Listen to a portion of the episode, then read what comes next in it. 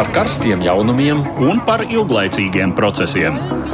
Par idejām, par cilvēkiem, par naudu un par laiku. Par abām mūsu planētas puslodēm, un lietojot abas smadzeņu puslodes.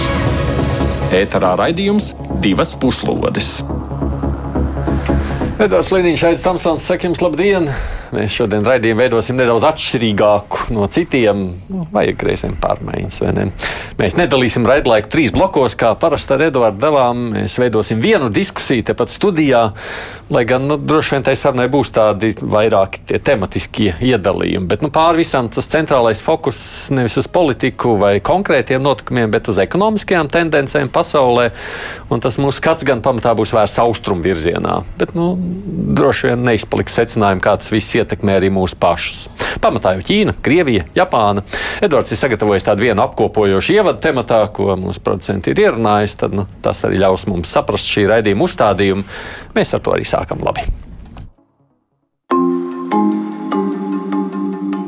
Šī gada pirmajā ceturksnī Ķīnas ekonomikas rādītāji liecināja par gaidīto izaugsmi pēc pandēmijas ierobežojuma atcelšanas.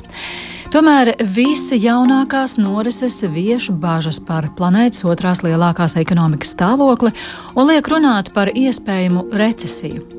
Jūlija vidū publiskotie iekšzemes koprodukta pieauguma dati liecina, ka šī gada otrajā ceturksnī Ķīnas ekonomika augusi tikai par 0,8% salīdzinot ar gada pirmo ceturksni. Importa un eksporta rādītāji jūlijā piedzīvojuši strauju kritumu attiecīgi par 12,4 un 14,5% salīdzinot ar attiecīgo periodu pērngadu. Zināms kritums, mazinoties globālajam pieprasījumam, tika prognozēts, taču ne tik krass. Vēl viens ekonomiskās aktivitātes apsīkuma rādītājs ir jūlijā vērojamā deflācija, kas liecina par vāju pieprasījumu patēriņu tirgū. Ielgušu lejupslīdi piedzīvo Ķīnas nekustamā īpašuma tirgus, kas veido apmēram ceturto daļu no valsts ekonomikas kopapjoma. Viens no lielākajiem nekustamā īpašuma apsaimniekošanas un attīstības holdingiem, Evergrande Group, kas jau pāris gadus cīnās ar apmēram 300 miljārdus dolāru lielu parādu saistību nastu, nesen paziņojas, ka kopš 2021. gada sākuma cietis vairāk nekā 80 miljārdu dolāru zaudējumus. Pēdējais satraucošais signāls ir Ķīnas Nacionālā statistikas biroja lēmums pārtraukt publiskot jauniešu bezdarba rādītājus pēc tam, kad bezdarbs vecuma grupā no 16 līdz 24 gadiem pagājušo mēnesi pārsniedza rekorda augsto 20% atzīmi. Kā galvenais Ķīnas ekonomisko problēmu iemesls tiek minēta pandēmijas laikā piekoptā strikto ierobežojumu stratēģija, kuras sekas izrādījušās grūtāk pārvaramas nekā prognozēts. Daži analītiķi pašreizējā attīstībā saskata arī ilglaicīgāku procesu pazīmes, proti, Ķīnas globālā ekonomiskā ietekme pandēmijas priekšvakarā bija sasniegusi savu maksimumu un turpmāk sagaidāma lejupslīde. Paredzams, ka pašreizējā Ķīnas ekonomikas bremzēšanās negatīvi ietekmēs arī tās kaimiņu valstu ekonomikas, sevišķi jau tādās uz eksporta orientētās valstīs kā Dienvidkoreja un Taivāna. Viscerīgākā šobrīd izskatās pasaules trešās lielākās ekonomikas - Japānas attīstības dinamika, kas pārsniegus samērā pieticīgās prognozes. Pēdējā ceturkšņa kāpums pret attiecīgo pagājušajā gada periodu, kas tika prognozēts 0,8 8% apmērā sasniedzis pusotru procentu, tātad te jau divas reizes vairāk. Kā galveno Japānas ekonomikas dzinēja spēku min eksporta pieaugumu vājā jenas kursa iespējā, kas sakritis ar pieprasījuma pieaugumu Savienoto valstu un Eiropas tirgos, no kā ieguvuši sevišķi Japāņu autoražotāji.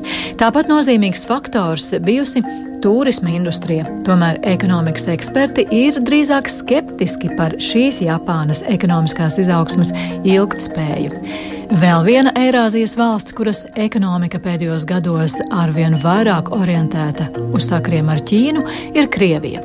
Vakar publiskotie dati liecina, ka Krievijas rubļa kurs nokrities zem iezīmīgās atzīmes 100 rubļu par ASV dolāru, kas ir zemāka atzīme pēdējo 16 mēnešu laikā.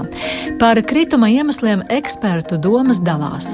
Kamēr vieni norāda, ka tas ir rezultāts Krievijas finanses regulējošo institūciju darbībai, kuras atkāpušās no striktās rubļa kursa noturēšanas politikas nolūkā kompensēt budžeta tēriņu negatīvo efektu, citi tajā saskata valsts vispārējā ekonomiskā stāvokļa pasliktināšanos, sevišķi negatīvā importa un eksporta saldo simptomu. Divas puslodes! Nu, tāds vispārējais ieskats tematikā. Studijā šeit bez mums ar Eduārdu ir arī Rīgas Traģiņu universitātes Ķīnas studiju centra direktora, Latvijas ārpolitikas institūta Āzijas programmas vadītāja un Aleksandra Bērziņš Arinko. Labdien! Sveiki! Uh, nu, dažādas amatus vēl varētu piesaukt, bet droši vien jāpiesaka, kā drošības un strateģiskās pētniecības centra vadītāja Toma Rostoka. Sveicināti! Labdien! Latvijas Universitātes ekonomikas un vadības fakultātes dekāns profesors Gunārs Bērziņš. Sveicināti! Labdien! Es arī šorīt uh, atverot savu ziņu lapu, kur es pārskatu. Pirmā ziņa man bija, ka akciju tirgi visā pasaulē krīt, jo lūk, Ķīnas rādītāji ir slikti. Uh, kaut arī, nu, kā mēs dzirdējām, tā nav nekāda recesija, tad ekonomikas izaugsmes palēninājums vēl pagaidām. Tiešām Ķīnai tāda ietekme uz visu pasaules ekonomiku. Nu, protams, tā līdzatkarība, no kuras mēs mēģinām tikt vaļā mazliet, jā, caur, ja ne, ja ne atdalīšanos, tad vismaz atriskēšanos, jā. sava taisnība tur ir. Par to, protams, runās kolēģi, kuri pārzina ekonomiku labāk, bet, protams, tas ir arī arguments, kuru lieto Ķīnas uh, iekšējā prese, piemēram, Sinhua ziņu aģentūra raksta, ka jā, neiet mums tik labi, bet mūsu ekonomika ir globāla, tā tad stipra, un ja jau būs problēmas, nu tad uzvarētāju nebūs. Mhm. No vienas puses interesanti, jo, protams, arī arī Ķīna, ne tikai mēs runājam par atriskēšanos, bet arī Ķīna to jau dara gadiem, mēģinot ierobežot teiksim, atkarību no ārējiem tirgiem, no svārstībām, mēģinot ieviest tā dubultās cirkulācijas principus.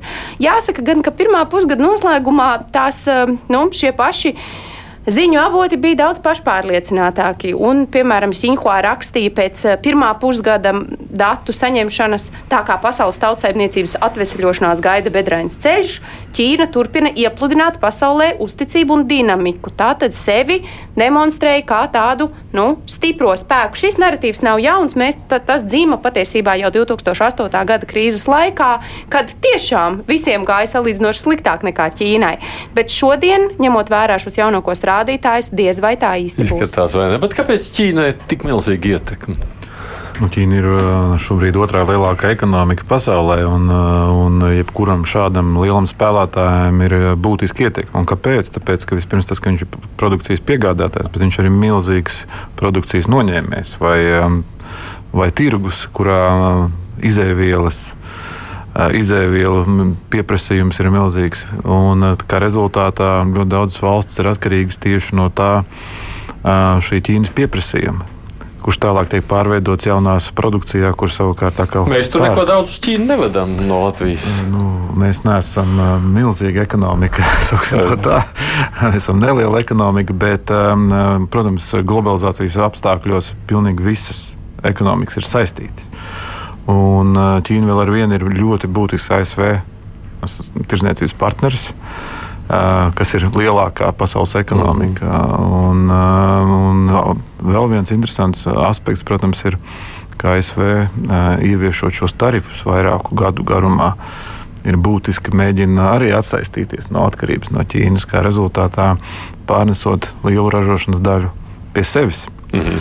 un, nu, tā kā Mēs esam savstarpēji saistīti ļoti jā. daudz vairāk nekā mēs liekas. Man tā ir klausoties tevi, mēs gribam, lai tā Ķīnai tur ekonomikā ir labi vai negribam.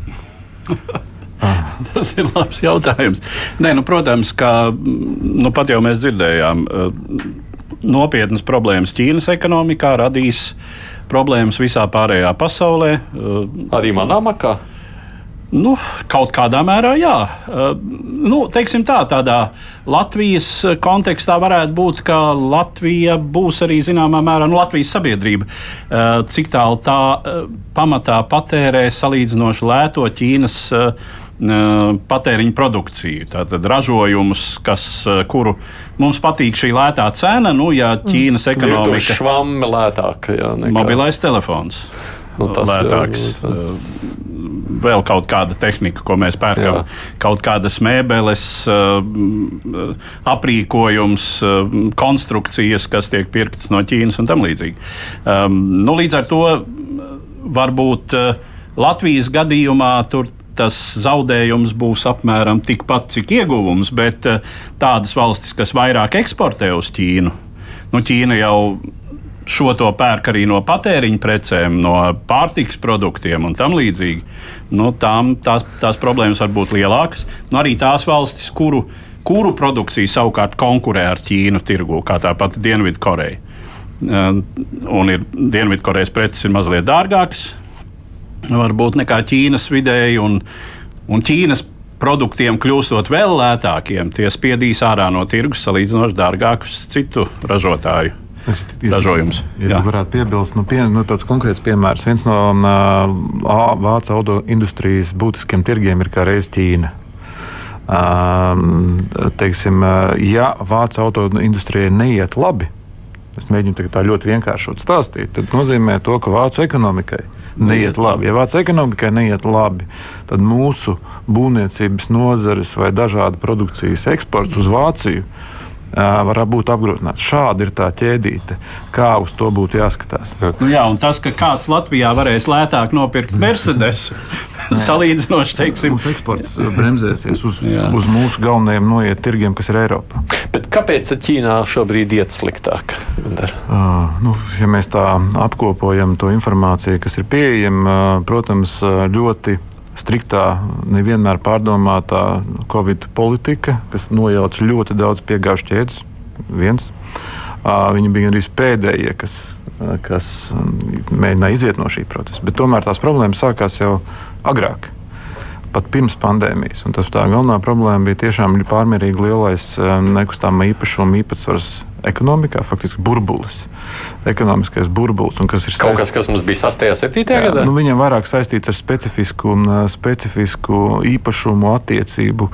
Ko drīkstēja pirkt, kas paliek valsts īpašumā, kas ir privātā īpašumā un kā tiek finansēta faktiski nekustamā īpašuma būvniecība. Tas ir vēl atsevišķs stāsts. Mm. Bet otrs, otra lieta ir milzīga valsts, teiksim tā, finansējuma īpatsvars un attīstības um, tendence šajā tirgu. Faktiski valsts kontrolē ļoti lielu daļu no šī uh, finansējuma. Tur tirgus mehānismi nevienmēr strādāja. Kā rezultātā uh, tur ir līdzīga situācija, kāda bija um, pirms lielā burbuļa ar nekustamo īpašumu Japānā. Uh, bet nu, tas ir ilgāks stāsts. Bet, mm. bet, Japāns ar varbūt vēl tiksim no, jā, bet, jā. bet tas, ir, tas ir tas, kas notika tur 80. Um, gados Japānā. Tad mm -hmm. bija pārmērīgās šīs valsts intervences tieši banku sektorā.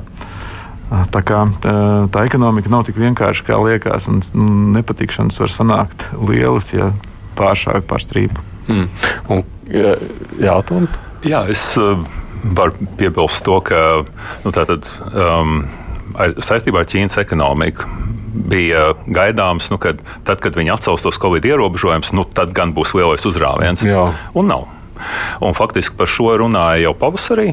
Ja, nu, kad uh, bija sagaidāms, ka, ka patēriņš pieaugs, ka ekonomika atdzīvosies, un uh, ķīnieši ļoti piesardzīgi. Uh, un, uh, un ka nav tas lielais uzrāviens uh, pēc, uh, pēc ierobežojuma atcelšanas.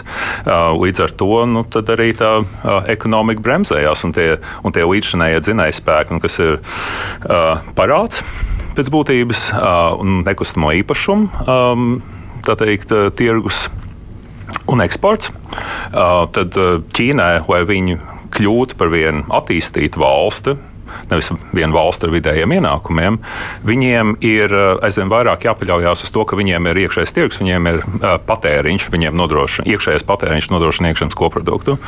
Un tā pārējai pēc būtības ļoti sāpīga. Ja tas, kas šobrīd notiek, um, ja tam nebūs kādas tālajošas um, politikas sekas un satricinājumi, nu, piemēram, viņi var sākt vainot rietumus. Mūsu ekonomiskās problēmas tam par iemeslu ir rietumi. Ja? Sankcijas, dažādi veidi ierobežojumi. Nu, tātad Ķīna nav vienīgā valsts, kurai kur, politiskiem līderiem aiz katra stūra rēgojas amerikāņi. Ja? Nu, kaut kāda jaunā, jaunā rīcība. Spalvainā roka. Jā, nu, spalvainā roka. Um, un, un, un Ķīnas līderi var mēģināt šo kārtu izspēlēt. Kamēr viņi to nedara, uh, ir labi. Tas liecina, ka viņi ļoti saprātīgi. Jau dara tev tūlīt nolasīšu Xinhua.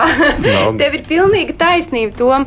Tik tiešām, protams, šie dati nāk ar komentāriem par to, ka šis ir arī ASV žņaukšanas paņēmiens pret Ķīnu, ka tajos sektoros, kuros Ķīna mēģina savas, bet interesanti ir tas, ka pētnieki atzīst, ka struktūrālas problēmas ir un ka reforma, nu, tas ir mūsu tas social speak vai ne, tā sociālo, sociālisma veids, kā teikt, ka visu laiku notiek reforma, ka reforma ne visu ir sabalansējusi. Jā? Tātad tas tiek atzīts laikam, ka tas sabiedrības spiediens ir tik stiprs, nu, ka tu nevari īsti teikt, ka viss ir super, ka tev ir 20% jauniešu bez darba.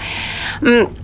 Tāpat laikā skaidrs, ka uh, visas teiksim, čipu politikas un kas tur vēl tagad um, kva, kvantu tehnoloģijas, par kurām Baidens runā, kur vajadzētu Ķīnu ierobežot, protams, ka tas ir Ķīnai arguments teikt, ka mēs tāpēc ciešām, ja, kā ASV mūs sit tajos sektoros, kuros mēs gribam kļūt vadošie.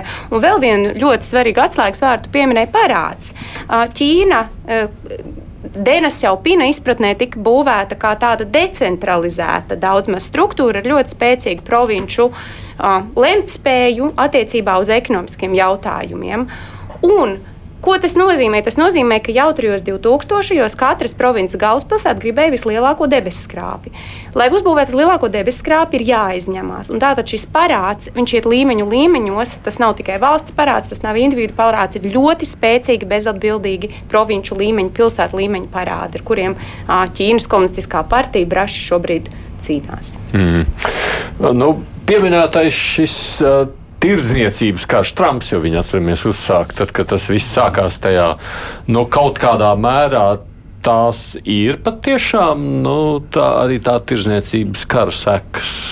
Nu, principā varētu teikt, ka jā, jo tas ir saistīts ar tieši tehnoloģiju importu mm -hmm. un, un, un eksporta tarifiem, nu, piemēram, saules paneļiem nu, pieņemsim, tik vienkārši saules paneļi ASV maksā šobrīd dārgāk nekā pie mums tikai tāpēc, ka ir, um, man liekas, ja nemaldos, gan 30% muita. Nu, faktiski tarifs uz ievedu muitu. Šādā veidā uh, tiek um, ASV ko viņi dara šobrīd arī ar savu inflācijas pārvarēšanas aktu, mēģina maksimāli daudz rūpnieciskās ražošanas pārnest uz ASV. Un viņiem ir diezgan liels priekšrocības to izdarīt, ņemot vērā, ka Viņi strādā pie tā, lai enerģija būtu lēta. Un ņemot vērā robotizāciju un automatizāciju, darba spēka un vajadzība arī nav tik milzīga, kā tas bija agrāk.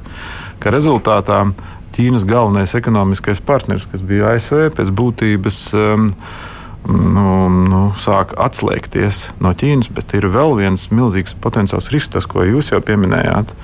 Ir tas, ka uh, Ķīnā politika var izvērsties pret veselu rindu kompānijām, kā tas jau vairāk kārt iepriekš ir bijis, kad sākās ekonomiskie kari, vainīgas ir konkrētas kompānijas. Rietumu kompānijas. Rietumu kompānijas. Nu, piemēram, milzīgs, zem milzīgi riski ir Apple, kuriem ļoti liela īpatsvars no ražošanas ir tieši Ķīnā. Un pār, viņi centieni pārnest šobrīd šo ražu uz Indiju tikai tagad, sākumā, un cik gadi viņiem paies, lai to izdarītu, nav zināms. Kā rezultātā šī kompānija, nu, teiksim, nu, jo, teiksim, ja ķīnieši paliek dusmīgi, viņi nodedzina kompāniju, nodedzina rūpnīcu. To viņi ir parādījuši, ka viņi to var mhm. izdarīt. Otra lieta ir nu, tāda katapilārs, nu, kā milzīgs būvniecības gigants, uh, Walmarts, kur ir milzīgi atkarīgs no Ķīnas precēm. Ja mēs tā skatāmies, vesela rinda šo globālo kompāniju ir diezgan atkarīgs no Ķīnas produkcijas. Tā kā šie kari var būtiski ietekmēt eh, arī šo pašu akciju cenu dažādās mhm. valstīs. Bet Amerika to ļoti labprāt dara. Mēs redzam, Trumps iesāk, un Baidens jau ļoti nav atkāpies no iesāktās pozīcijas. Tas amerikāņiem ir tāds, nu, kā jau tu pasaki, nezinu. Kā viņi to komentē? Drošības jautājums vai goda jautājums beig beigās? Um, nu, godam, protams, arī ir nozīme starptautiskajā politikā, bet, uh, bet lielākoties tas ir drošības un tas ir ekonomiskās attīstības jautājums. Uh, mēs šeit diezgan daudz runājām par ekonomikas bremzēšanos, uh, nu, kā um, Eiropas Savienībā, arī Ķīnā un, un, un attiecīgi arī citviet. ASV ekonomika iet ļoti labi. Jā, pēd, pēdējie dati, kas ir parādījušies, liecina to, ka uh, izskatās, ka inflācija būs pārvarēta. Un info, eh, tie pasākumi, kas bija domāti, lai inflāciju mazinātu, viņi nav palielinājuši bezdarbu. Amerikāņi ir. Um, tā teikt, ja tu gribi dabūt darbu Amerikā, tu to vari izdarīt. Jā, nu, līdz ar to um, kopējie makroekonomiskie rādītāji ļoti labi. Uh, un um, nu, Amerika var diezgan optimistiski raudzīties uz priekšu, un tieši tādā ekonomiskā plāksnē, kas attiecās uz uh, sāncensību ar, uh, ar Ķīnu, tad um, amerikāņi, protams, arī ļoti daudz ko nestāsta. Uh, bet um, uh, man, uh, man iekrita atmiņā Pirms, uh, pirms dažiem gadiem viens uh, citāts uh, no Henrija Kissingera sacītā par to, ka, ka viņš ļoti vēlētos būt mušs uz sienas. Tajā telpā, kur tiek spriests par, par to, ko Ķīna dara pasaules politikā un nevis nu, publiski zināmā informācija, bet tā, kas nav publiskota. Un, uh, un tur ir ļoti, ļoti daudz visa kā, un ļoti agresīva.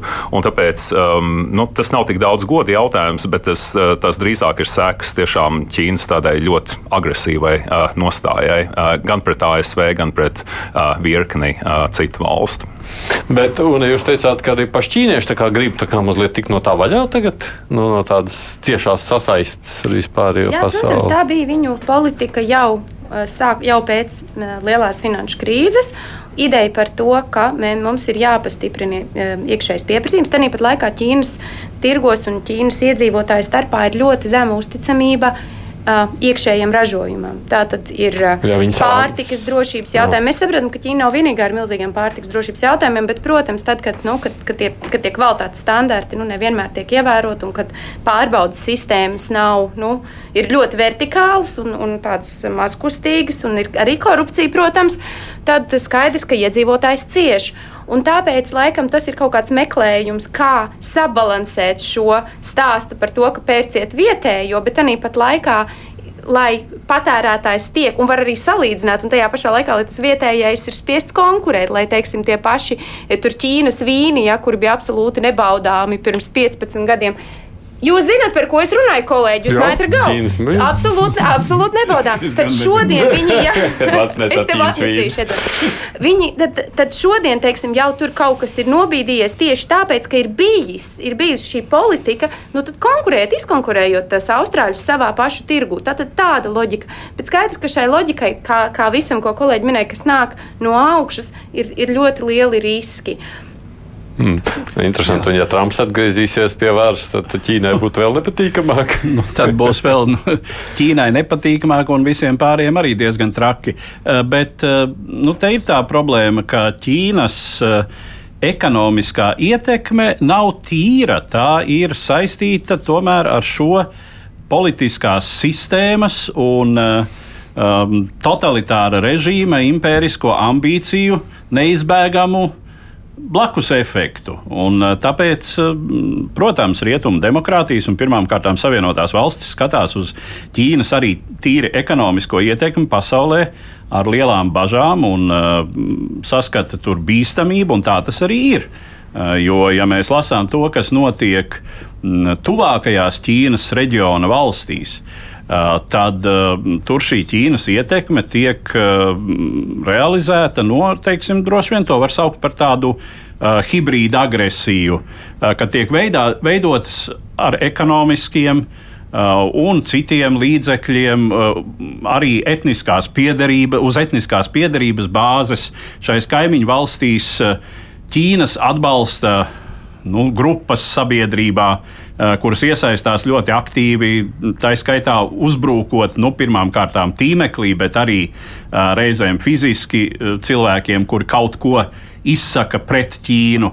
Līdz ar to, teiksim, tādās valstīs kā Vietnama, um, pārējās Indoķīnas reģiona valstis, pat tādā valstī kā Filipīnas, kas ir Savienoto valstu tradicionāla sabiedrotā uh, un ļoti draudzīga valsts. Uh, pat politiķi, žurnālisti baidās kaut ko teikt pret Ķīnu, uh, Tāpēc, ka baidās no, no uzbrukumiem. Pat Latvijā Ķīnas... baidās no, varbūt ne no fiziskiem, bet visi negrib sabojāt attiecības ar Ķīnu. Nu, ne? Mēs jau redzam. Vienīgais, nu, pabeidzot šo Ķīnas sadaļu, tā kā mēs te runājām, un kā tā perspektīva rādās, kā tad izskatās tajā ekonomiskajā blokā. Ne, nu, Ķīnas ekonomika īstenībā nav jau tik vāja, kā mēs tagad runājam. Viņa ir ļoti, ļoti spēcīga un, un šie Ķīnas ekonomikas centieni ap reģioniem attīstīt, un tas Rodu un Belta, nu, tas ir, kā viņam bija latviski. Jā, tā, tā iniciatīva, tā ir saistīta ar faktiski eksporta, eksporta dominēšanu pār importu. Un kāpēc? Tāpēc, ka mm. kaut kur tā pārlieku lielais naudas daudzums ir jāiegulda. Ja to nedara, tev visu laiku veidojās rezerves ASV dolāros, un kaut kur ir nepārtraukti jādomā, kur viņas likt. Un šis bija mēģinājums diver, nu, attiekt no šīs atkarības no ASV dolāriem.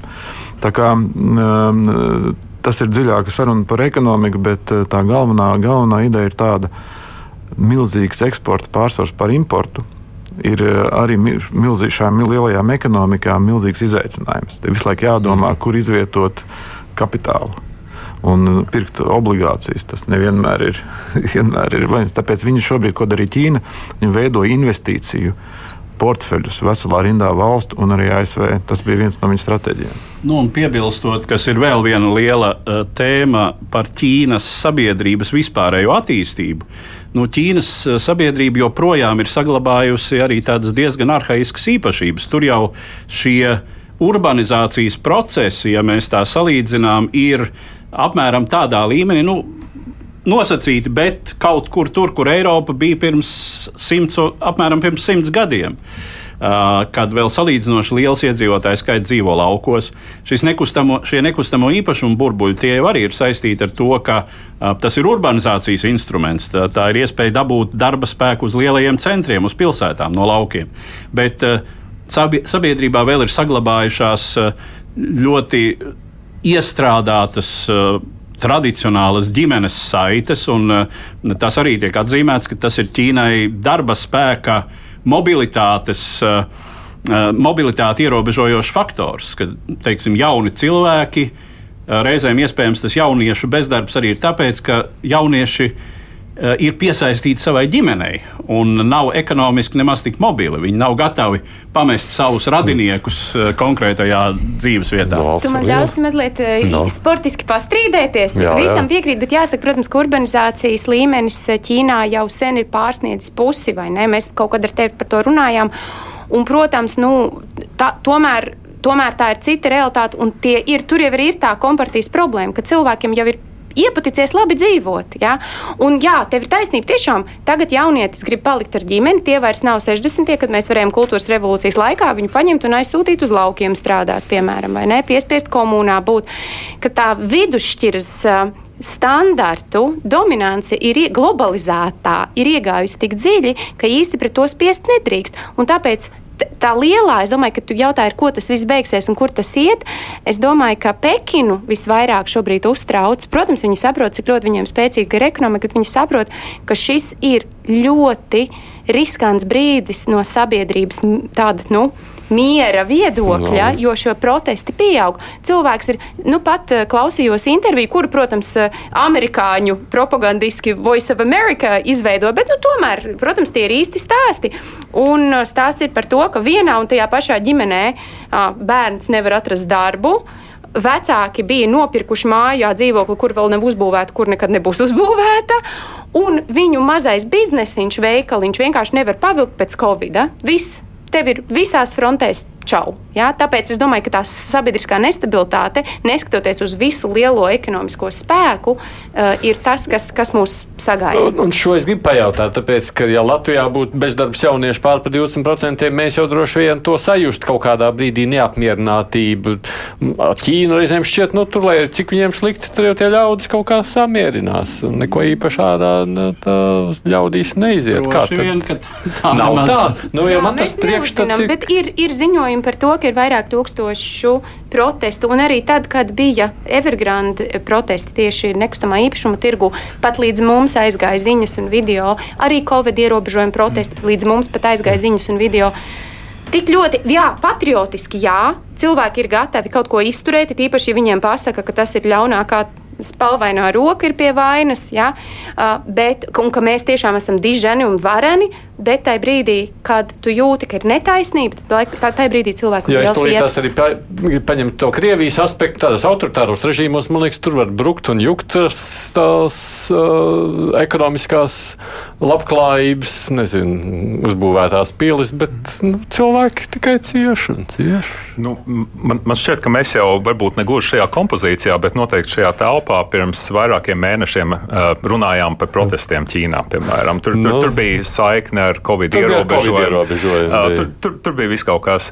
Um, un uh, nu, skaidrs, ka tik milzīgā valstī kā Ķīna, tur ir ļoti daudz tādi visnotaļ skumīgi stāsti jā, par, par to, ka. Nu, nu, kā cilvēkiem neiet. Nu, tad, ja Evergrande ir 80 miljardi zaudējumu, tad um, nu, tā ir cilvēka nauda, kas ir izkūpējusi gaisā. Tie, tie ir dzīvokļi, kur ir kaut kāda iemaksa veikta, bet viņi nav uzcelti. Tad, nu, um, līdz, līdz ar to sabiedrība, protams, ir ļoti neapmierināta. Bet, um, autoritāros režīmos, atgriežoties pie tā mhm. jautājuma, skaidrs, ka autoritāriem režīmiem ir nu, tā, ir tā īpatnība, ka viņi balstās uz spēku, jā, iespēju apspiest iedzīvotāju protestus.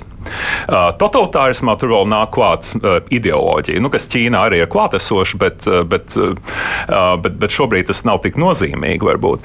Bet Ķīnā nu, tā apspiešana tomēr ir bijusi vērsta pret citām grupām. Nu, tātad, ja tu, esi, ja tu dzīvo kaut kur austrumos un piekrastē, tevi jau neapspiedīs. Ja, ja, nu, protams, ja tu neej protestēt uz ielas, bet tad tad vienalga var tikt sasniegta tā kritiskā robeža, kad um, cilvēki sāk iet ielās, viņi sāk organizēties.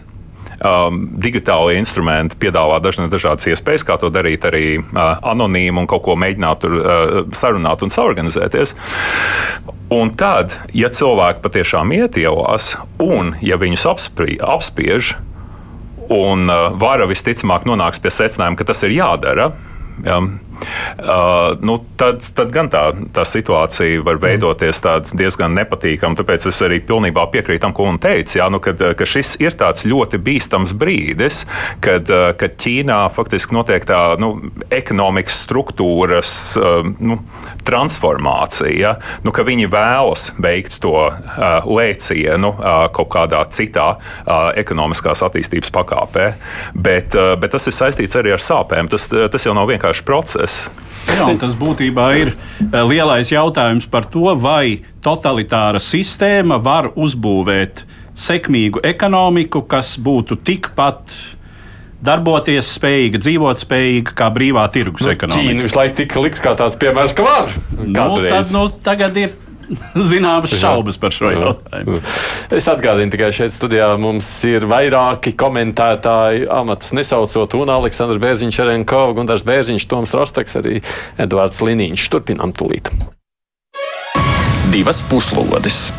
Nu, redz, runājot par tiem autoritāriem un to situācijas pasliktināšanos, tas Krievijas rubļu stāsts, kas parādījās pēdējās dienās, nu, ka tur jau zem simts, nu, labi, tur kaut ko droši vien izdarīšot, lai atdabūtu atpakaļ to rubli mazliet augstāk, bet nu, jautājums, cik ilgspējīgi.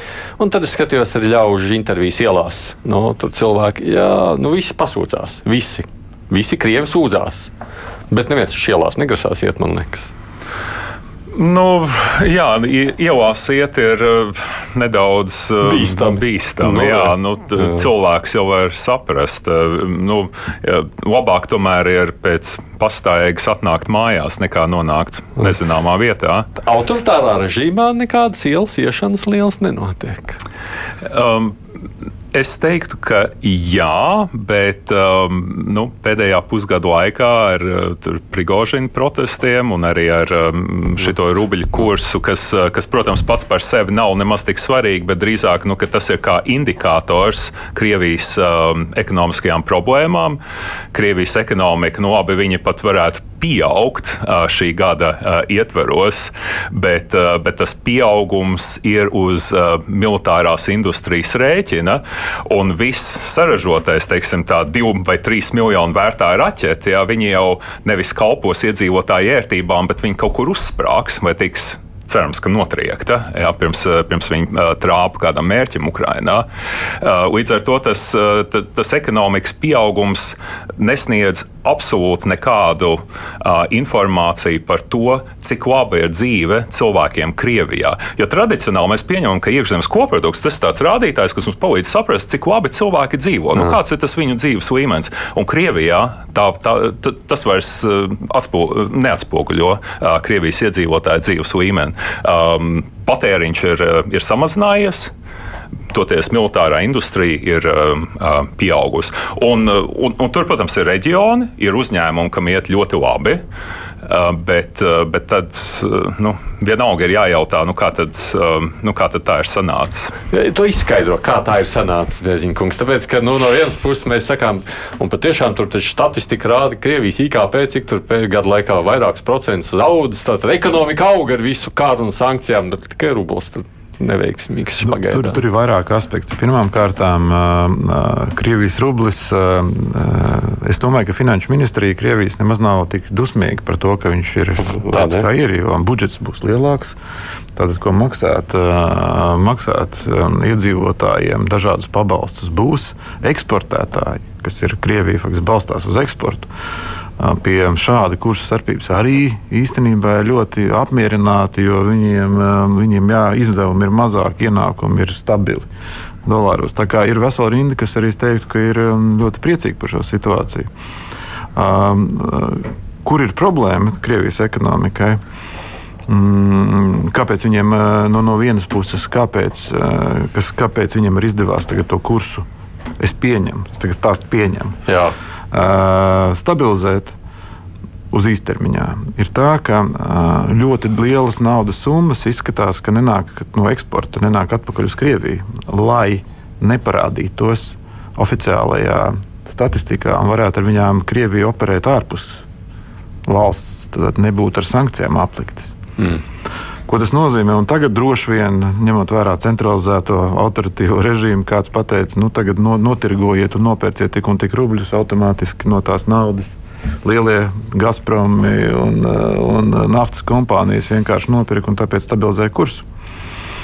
Uh, es domāju, ka tas arī pilnīgi ir iespējams. Uh, bet tā galvenā problēma bezdarbs ļoti zems. Mm -hmm. Vieni karo, Otri strādā, kā jau minētajā, teiksim, militārajā sfērā. Tas nozīmē, ka normāli uzņēmumiem ir ļoti grūti dabūt kvalificētu darba spēku. Tā ir viena milzīga problēma, tieši darba spēka problēma ekonomikas attīstībai Krievijā. Otrs, kas ir milzīga neefektivitāte importā, paralēlais imports, kas notiek caur citām valstīm. Kas notiek, viņš faktiski ir sadārdzināts, jo ļoti daudz starpnieku, lai varētu visu šīs pelēkās schēmas izdarīt. Tas nozīmē, ka imports ir sarežģīts, bet viņš ir stabilizējies. Un tas viens no iemesliem, kāpēc kurs šobrīd arī krīt, ir tas, ka eksportā ir sarežģījumi, visādi ierobežojumi naftas cenai. Daudz sarežģītākas loģistikas uz, uz austrumiem, bet imports ir atgriezies vismaz pēc statistikas datiem, gan arī pirms kara -hmm. līmenī. Tad ir, viņš ir nodrošināts, imports notiek, bet ar daudz neefektīvākām cenām vai augstākām cenām dēļ starpniekiem. Rezultātā pieprasījums pēc šiem dolāriem arī ir pieaudzis. Un tā ir tā problēma, ka ienākumi no eksporta samazinājušies, plus palikuši ārzemēs, un otrs puses, ka uh, imports ir atjaunojies. Īsumā tā. Un ilgtermiņā kāds izskatās? Ilgtermiņā nu, grūti prognozēt, bet nu, šī neefektivitāte sistēmā ilgtermiņā novadīs, nu, būtu jānovada pie tālāk kursa krituma. Nu, ja mēs skatāmies vairākus mēnešus priekšā. Mhm. Jā, šodien, starp citu, parādījās ziņas par to, ka Krievijas centrālā banka apsver iespēju atjaunot kārtību, kāda tā bija tūlīt pēc pilna mēroga kara sākuma Ukrainā, vairākus mēnešus, kad eksportētāji ir spiesti um, konvertēt rubļos, respektīvi pārdot uh, savu, savus valūtas ienākumus uh, lielāko daļu. Tur bija sākotnēji 80%, pēc tam 50%, un tad pēc kādiem mēnešiem, kad tā situācija stabilizējās, tad atcēla šīs prasības. Un tagad ir runa par to, ka varētu atjaunot šo prasību. Un vēl viena lieta, ko izdarīja centrālā banka. Viņai nebija paredzēts, bet pie tā, ka nu, Putins bija ļoti neapmierināts un visi neapmierināti un psiholoģiskā robeža sasniegta, viņi sasauca centrālās bankas, Krievijas centrālās bankas sanāksmi un pacēla procentu likmi līdz 12%. Mhm. Kas ir pat 3%, ja nemaldos, pat 3%. Ko tas nozīmē? Tas nozīmē, mēs uztraucamies, ka mums ir līdz 3,7 pacelt. Mm -hmm. uh, viņam 12. Uh, tas nozīmē, to, ka um, faktiski iedzīvotājiem, tie, kas ir paņēmuši kredītus, būs vēl vairāk jāmaksā šīs procentu likmes. Uh, tādā veidā nu, viņi mēģina stabilizēt rubļu kursu. Bet, ja drīkst mazliet sasaistot ar iepriekšējo, nu, tad, kad sākās karš, tad tā, viss tas cerības, kāds bija uz Ķīnu, nu, ka tā Ķīnas nauda, Ķīnas preces, Ķīnas eksports, imports un vispārējais varētu palīdzēt. Ir būtiska loma Ķīnai šajā ekonomikas glābšanā Krievijā vai nav? Viena smieklīga situācija, gan vienīgā valūta, nu, protams, zelts, kas bija Krievijai, kas palika, ar kuru ir brīvi operēt, bija juanis. Bet joņas nokritās liekas, par 12%, un Krievijas rezerves bija joņos. Es domāju, ka viņi milzīgi daudz zaudēja tajā brīdī dēļ kursa svārstībām. Tieši jo, jo joņas, nu, teiksim, nav. Tas ļoti brīvi konvertējams. Nu, ja tur viņu nekur ne, nav tā, ka tu vari visur norēķināties ar šo valūtu, un tev atkal ir ļoti dārga apmaiņas procedūra. Tas ir mm. viss neefektivitātes sistēmā. Tu vari mainīt, viņš ir daļai konvertējams, bet viņš ir dārgi konvertējams. Mm. Un visu laiku ir zaudējumi tādā ziņā. Un, um, Tāpēc arī neesmu pilnīgi pārliecināts par šo brīvības valūtas nākotnes perspektīvām. Tieši tikai tā iemesla pēc, ka, um, ja dominējošā šajā brīvības uh, valūtu grozā ir Ķīna, pieņemsim, un valūtas kurs tiek uh, nav brīvi plūstoši. Viņš nenosaka tirgus, bet, bet var nolemt. Šodien nolēmām, kurš būs tāds, kāds risks ir visiem dalībniekiem šajā sistēmā. Arī rezultātā risku ir ļoti daudz, mhm. bet, eh, bet, eh, bet nu, ja mēs apkopējam tas, ko es tikko teicu, tad eh, vēsturiski visstabilākais kurs vienmēr bijusi tām valstīm, kurām ir spēcīgāka armija. Es, es mēģināju salikt šo visu kopā tajā, tā, tādā veidā. Bet, ja man, man mazliet par to Ķīnu, tad Ķīnas atbalsts vai palīdzība Krievijai tādā ziņā tas tāds politisks izšķiršanās jautājums beig beigās, vai tur tas ir tomēr bizness, kas spēlē savu lomu, cik tā brīva Ķīnas ekonomika ir, lai nu, vai nu atbalstīt kādus tur Krievijā, vai tieši otrādi. Nu, mēs esam redzējuši politiskajā komunikācijā zināmu distancēšanos no Ķīnas vadības puses, īpaši Blinkena virzienā, sakot, ka mēs jau nu, negribam tos Krievus īsti atbalstīt ar uh, letālo spēku, bet to, ko dara mūsu uzņēmumi, nu tur piedodiet, mēs tur nevaram jā, jā. zināt. Cik liela taisnība šajā ir? Nu, protams, jā, tā regul regulācijas trūkums un, un vēlme vienmēr pievilkt grožus, tāpēc, ka regulācijas tie, tie līmeņi ir, ir arvien zemāki, arvien dziļāki, arvien sarežģītāki un arvien grūtāki. Tā ir Ķīnas klasiskā problēma. Uh, Šajā gadījumā tas ir arī viss, ko es varu pateikt par ekonomiku, jo es ar lielu aizgrābtību klausījos. Nē, nē, es vienkārši par to politisko sadaļu. No otras puses, atceramies, mēs jau tad, kad karš sākās uz rietumu sankcijām un to ekonomisko sviru lika diezgan lielas cerības rietumu. No nu, tās, Ir jā, nu tas ir vilšanās uh, tagad. Uh, man, man ir uh, ļoti vienkārši pateikt, jā, ka, um, ka es um, kaut kur kļūdījos, jā, jo es klausījos uh, un. Um, ņem vērā to, kas bija sakāms cilvēkiem, kas ekonomiskajos procesos ir krietni kompetentāki par mani. Un kaut kā tās cerības bija lielākas nekā tas reālais iznākums. Pēc tam, nu, paraugoties atpakaļ, mēs jau saprotam, jā, kad, kad rublī, rub, teiksim, Krievija nu, aizvēra biržas cietu uz kādu laiku, jā, no akciju tirgu, un, un, un tad um, Krievija turpināja eksportēt energoresursus, cena bija augsta, imports nokritās, līdz ar to valūta bija stipra. Nu, tagad, salīdzinot ar pagājušā gada jūniju, valūtas vērtība samazinājusies uh, divas reizes. Um, bet, um, bet, bet es, es domāju, ka šeit apstiprinās tas, nu, ka ar ekonomiskajām sankcijām tā ietekme tomēr ir uh, ilgtermiņa. Īstermiņā viņi dod tādu nu, tā psiholoģisko uh, efektu, nu, ka, piemēram, Krievijas iedzīvotāji redz, nu, ka tur kaut kāda veikala taisās ciet uzņēmumu, pamet valsti. Nu, tam, tam ir ietekme uh, uz to, kā cilvēki vērtē uh, esošo situāciju. Bet, protams, ka uh, skatoties uz to, kas notiek Krievijas ekonomikā šobrīd, uh, Krievijas ekonomisti jau uzdod jautājumu, nu, labi, tātad kādu dienu karš beigsies, bet, uh, bet kas notiks ar Krievijas ekonomikas struktūru, kas šobrīd ir nu, pielāgota kara vajadzībām? Cilvēki un nauda ir aizgājuši militārās industrijas virzienā. Un, uh, un tie ir tie paši cilvēki, jā, kur pēc tam uh, veidos kaut kādas nu, normālas, uh, ražos normālas patēriņa preces. Jā, nu, tā, līdz ar to nu, viņiem, viņus tādā ilgākā laika posmā sagaida ļoti smaga piezemēšanās. Pat ja, pat ja šobrīd šķiet, ka, ka, viss ir, ka viss ir diezgan labi. Kā viens e ekonomists, kurš kādreiz ir dzīvojis Krievijā, viņš teica, nu, ka uh, par, um, uh, par, par Krievijas ekonomiku var. Uh, um, nu, var, var izdarīt slēdzienu, ka viss ir kārtībā, tad, ja jūs neko nezināt no ekonomikas. Jā. Un droši vien, ka te var salīdzināt zināmā mērā ar Padomju Savienību, kur, kā zināms, bija hipertrofēta militārā industrija, nu un vēl ar to saistītā kosmosa apgūves industrija, un viss pārējais bija stipri mazattīstīts nu, tad uh, kaut kas līdzīgs izskatās šobrīd Krievijā. Mēs runājam par valūtas kursu, un valūtas kurs principā nosaka no importa, eksporta no bilance un uh, investīcijas un kapitāla aizplūšana. Tad šobrīd uh, bilance, nu, kā jau teicu, ir kā, kā jau es teicu, bet ir vēl interesanta lieta, ka kapitāls aizplūst, bet investīcijas nenotiek. Un investīcijas notiek tikai valsts investīcijas, gan militārā jomā. Un šī ir tā problēma, kāpēc arī tam kursam bija vēl problēma. Mm.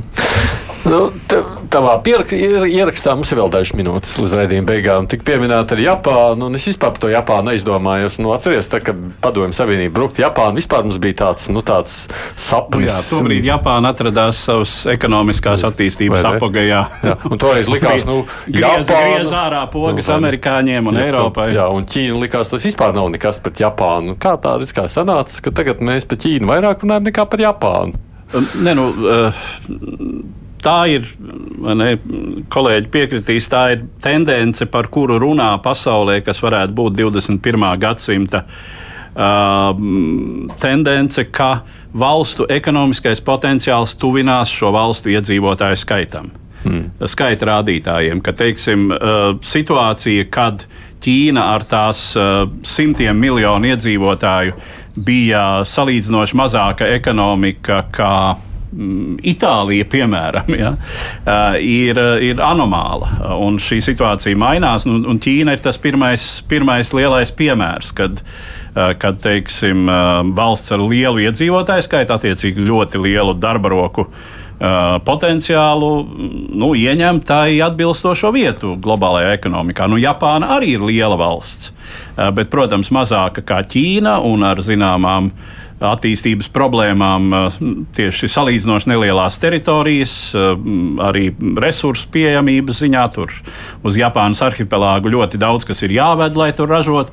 Bet nu, joprojām jā, tā ir trešā pasaules lielākā ekonomika. Tas, tas potenciāls, kas ir 20. gadsimta otrajā pusē uzkrāts, Nu, tas, tas bija viens no mm. pēc otrā pasaules kara ekonomikas brīnumiem, līdzīgi kā tas bija faktiski visās uh, lielajās valstīs, kas tika sakautas Otrajā pasaules karā, tā tas bija Rietumvācijā, tā tas bija arī Itālijā lielā mērā un Japāna. Spilgts piemērs, kad šis ekonomikas brīnums um, būvējot, atjaunojot valsti pēc kara. Bet nu, tas brīnums likās tiešām skaists, tad, tad pēdējos gados, nu, 20 gadus, jau cik stagnācija bijusi. Stagnācija bija lielā, lielā mērā nepārdomāts finanšu politikas rezultātā, kad teiksim, tā dārs, kas bija ap, ap nu, faktiski bija ļoti specifiska aizņemšanās politika, tieši nu, kā finansēt attīstību. Un tad brīdī, kad palaida brīvo kursu, brīvo kursu juāņiem, tad uzņēmumi vairāk pelnīja no spekulatīviem darījumiem. Mm. Nevis no savas uzņēmējdarbības. Vienu brīdi zeme ap uh, pre, prezidentu ar to uh, karaļu, kas viņiem ir. Viņi imperatori. Tā mēs viņu saucam. Imperatori. Pīli maksāja vairāk nekā viss Kalifornijas štats. Tas bija tas viens brīdis, tas, tur bija milzīgi spekulatīvi darījumi. Un pēc, uh, kas iestājās šajā milzīgajā krīzē, uh, kas uh, noveda pie tā, ka um, faktiski zaudējumi bija milzīgi, un ekonomika faktiski apstājās. Jo uzņēmumi no šiem milzīgiem parādsaistiem aizņēmās, lai investētu spekulatīvos darījumus, un tad zaudēja. Un tad šos aizņēmumus samazināja. Šobrīd parādu apjoms Japānas uzņēmumiem ir būtiski zemāks nekā citur pasaulē. Un ko darīja Japāna? Japāna nepārtraukti mēģināja panākt, lai ir kaut kāda inflācija. Viņam visu laiku bija tāds defl deflācijas stāvoklis. Uh -huh. Ja visiem ir inflācija, tad Japānai inflācija laiku iet uz leju. Visu laiku iet uz leju. Viņiem procentu likmes bija negatīvas. Viņiem cenas, cenas nevis, viņa inflācijas nav, jo, lai būtu ekonomika, tas jābūt ir inflācija nelielai vismaz. Un tagad, kad visā pasaulē bija inflācija, viņiem viņas arī īsti nebija. Un, un tad un tās eksports faktiski eksports aizgāja tagad pēdējās, tāpēc ir tie labie rezultāti. Bet tas sliktā ziņa, nu tā ir labā ziņa. Jā. Sliktā ziņa ir tā, ka imports ir samazinājums. Kā mēs zinām no IKP formulas, ja tev ir tā ir starpība starp importu un eksportu. Un, ja tev ir eksports palicis vai drusku pieaudzis, bet imports būtu samazinājies, tas ļoti dod lielu pienesumu IKP izaugsmē tajā konkrētajā periodā. Un, tas ir viens aspekts. Un otrs aspekts, kas ir jāņem vērā, ir um, jāņem vērā tie, tieši, eh, kur ir, kur ir, kas ir vēl noticis, kāpēc izaudzis. Uh, ir privātā sektora investīcijas uh, ekonomikā, Jā. bet nav uh, nu, teiksim, uzņēmumu investīciju sektorā, bet nav iedzīvotāju. Faktiski investīcijas. Tā kā, un, un, un tad, tad šī, šis ir arī parādījis šo izaugsmi. Kā tas būs ilgtermiņā, vai tas būs teiksim, noturīgs, noturīga izaugsme. Mums vēl jāpaskatās, ir. vai šis nav īstermiņa, īstermiņa situācija. Nav pilnīgas pārliecības, kas ilgtermiņā dos. Jā, paliks bet, tas efekts. Bet arī, ja, ja mēs vērosim uh, turpmāku šo ekonomisko saišu saraušanu starp Savienotajām valstīm un Ķīnu, uh, tad Japāna zināmā mērā to Ķīnas, eh, to globālā tirgus daļu, no kuras Ķīna tiek tādu vai citādu iemeslu dēļ izstumta, eh, Varētu to patīmt, var aizņemt jā. Japāna. Mm, mm. Bet, nu, beig, beigās apkopojot to visu, man viena minūte apmēram, tagad saliekot to visu kopā, skatoties tajā austrumu virzienā, mēs varam teikt, ka tur nu, tas viss ir tāds problemātisks apmēram tā. Viņš ir dinamiskā attīstības procesā. Bet viņas kopā salikt nevar. Ja Krievija ar savu rubļu problemātiku, Ķīna ar saviem izaicinājumiem, Japānu, Indiju mēs nolēmām, ka mēs šoreiz nepīsim klāt vispār visā tajā sarunā. Nu, tur katram ir savi izaicinājumi, ja, un tās kopā nav ieliekams vienā un katlā. Kopā viss iespaido globālo klimatu. Atšķirībā no tā, kā tas varbūt bija pirms simts gadiem. Eh, kad katrs reģions teiksim, vairāk vai mazāk vārījās savā ekonomiskajā, nu, izņemot Eiropu. Jā. Eh, tad eh, šobrīd, kā mēs jau runājām, tur, tur visi šie.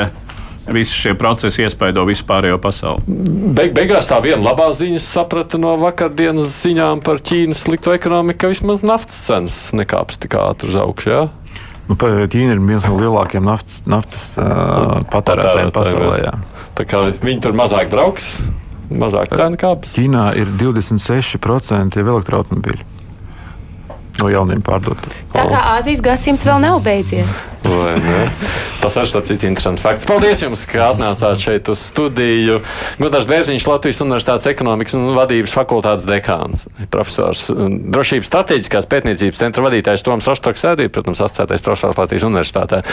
Bet šeit arī no Rīgas Traģiņu Universitātes Ķīnas studiju centra direktora, viņa arī ir ārpolitikas institūta Āzijas programmas vadītāja un Aleksandra Bērziņš arī kaut. Paldies jums, ka atnācāt šeit uz divām pušlodēm. Protams, paldies arī Edvardam Liniņam raidījumu vienam no līdzautoriem. Šeit bija arī Aits Tomsons, raidījuma producenti Revi Junāma. Nu, mēs tiksimies, protams, atkal pēc nedēļas lūkosim, kas abās divās zemeslodes pušlodēs šajās dienās būs noticis. Mēs turpinām sekot notikumiem pasaulē un tos analizēt. Saku visiem uz sadzirdēšanos līdz nākamajai reizei.